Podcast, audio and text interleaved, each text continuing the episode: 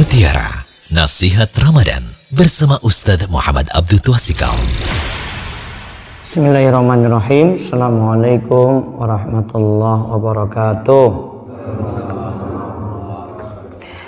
Alhamdulillah, salatu wassalamu ala rasulillah wa ala alihi wa man tabi'ahum bi ihsan ila yaumiddin.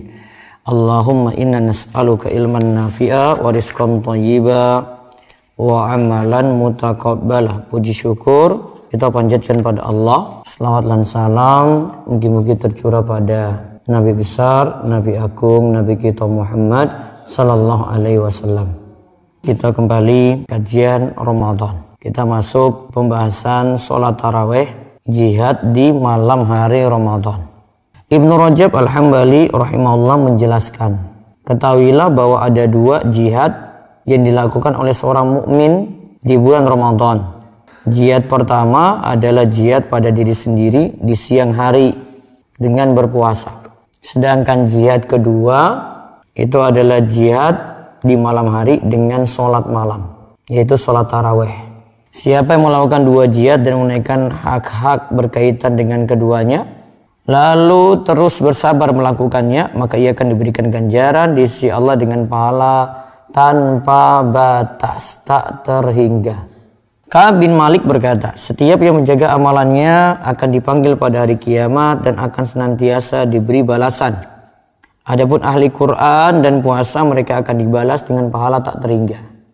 Ahli Quran dan ahli puasa tersebut akan mendapatkan syafaat pada hari kiamat. Ahli Quran berarti yang gemar baca Quran, termasuk dalam sholat malam juga. Ahli puasa berarti yang gemar puasa mereka akan mendapatkan syafaat pada hari kiamat sebagaimana disebutkan dalam hadis Abdullah bin Amr bin Al-As. Nabi sallallahu alaihi wasallam bersabda Asyamu wal Qur'anu yashfa'ani lil 'abdi yaumal qiyamah. Yaqulu siyam ayu rabbi mana'tuhu at-ta'am wasyahwat bin har fasyafi'ni fi wa yaqulu al-Qur'an mana'tuhu an-nawma bil lail fasyafa'ni fi qala fayushaffa'ani Puasa dan Al-Quran itu akan memberikan syafaat kepada seorang hamba pada hari kiamat nanti. Puasa akan berkata, Wahai Tuhanku, saya telah menahannya dari makan dan nafsu syahwatnya, karenanya perkenankan aku untuk memberikan syafaat kepadanya.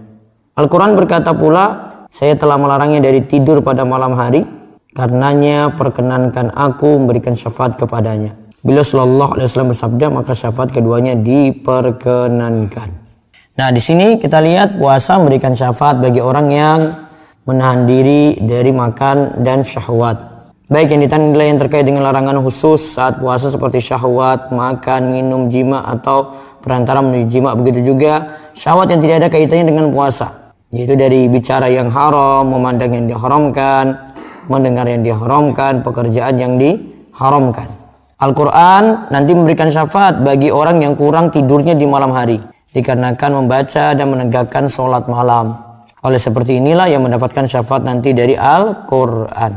Adapun mengenai keutamaan sholat tarawih disebutkan dalam hadis Man qama ramadhana imanan wa ihtisaban ghufirallahu ma taqaddama min dambi. Siapa yang melakukan qiyam Ramadan, kata Imam Nawawi qiyam Ramadan itu adalah sholat tarawih karena iman dan mengharap pahala dari Allah, maka dosa-dosanya yang lalu itu akan diampuni. Pengampunan dosa di sini bisa mencakup dosa besar dan dosa kecil. Adapun pengampunan dosa itu dapat jika di bulan Ramadan itu telah usai.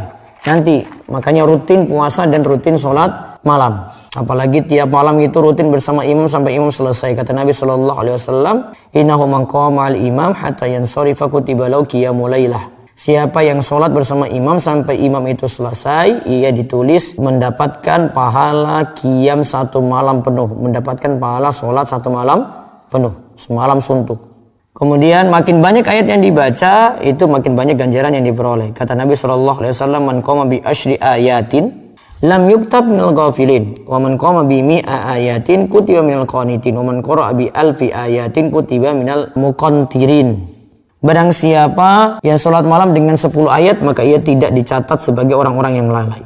Barang siapa yang sholat malam dengan 100 ayat, maka ia dicatat sebagai orang-orang yang taat. Barang siapa yang sholat malam dengan seribu ayat, maka ia dicatat sebagai orang-orang yang diberi pahala yang melimpah. Kesimpulannya, malam hari itu kita punya jihad, yaitu dengan sholat malam, sholat taraweh. Siang hari kita punya jihad dengan melakukan puasa. Mungkin-mungkin terus istiqomah dan bersabar sampai akhir Ramadan. Demikian kita cukupkan tutup kalian doa kafaratul majlis. Subhanakallahumma bihamdika asyhadu an la ilaha illa anta astaghfiruka wa atubu ilaik. Assalamualaikum warahmatullahi wabarakatuh. Demikian mutiara nasihat Ramadan bersama Ustaz Muhammad Abdul Tuasikal.